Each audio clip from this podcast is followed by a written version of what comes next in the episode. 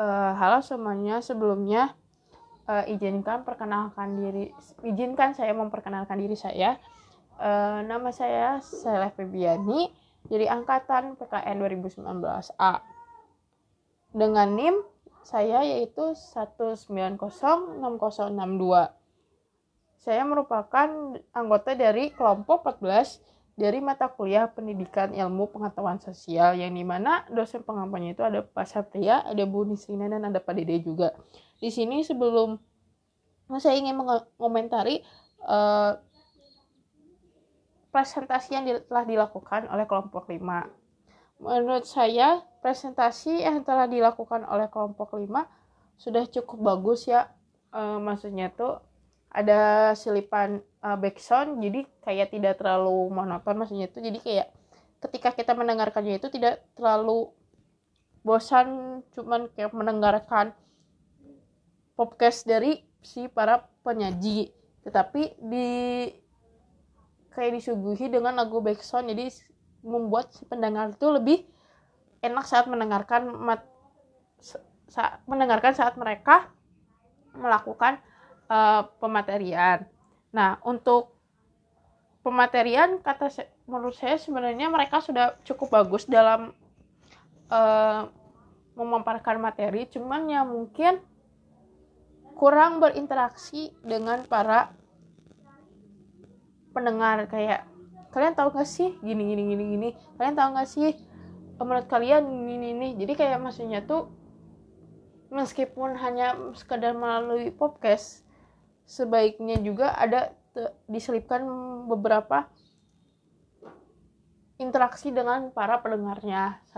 Lalu dari uh, tadi yang dilakukan saat Suci Mulyati menyanyikan materi, dia sedikit ada kayak berpikir atau nggak tahu lupa, tapi dia tuh mengulang kalimat yang sama. Itu dua eh tiga dari PPT-nya. Nah, di PPT-nya sebenarnya itu jadi PowerPoint itu sudah bagus, udah ini, tapi lebih bagusnya lagi itu ketika ada beberapa slide yang si apa ya titik sama teksnya itu uh, beda gitu. Jadi kan kalau misalnya kan titiknya itu di atasnya sedangkan teksnya itu di bawahnya.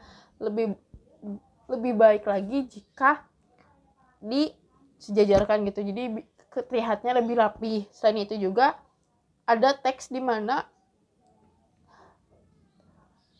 si fontnya itu ukuran ukuran font sama warna dari teks yang lain tuh berbeda. Jadi kayak kontras sendiri gitu. Lebih baik disamakan sehingga lebih terlihat indah.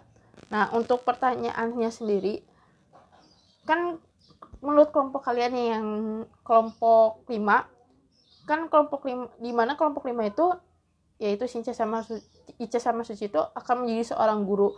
Nah, bagaimana menurut pendop menurut pendapat kelompok 5 jika uh, ilmu atau metode atau apa pun metode ilmu dan cara yang telah kalian dapat di kursus guru prasejarah atau di pendidikan guru untuk nantinya kalian terapkan kepada langsung pada pengajaran di lapangan tetapi ketika meng, kalian mengaplikasinya kan mengaplikasikannya itu tidak sesuai dengan ekspektasi kalian saat kali saat kalian mendapatkannya itu di pendidikan eh, pendidikan guru tersebut.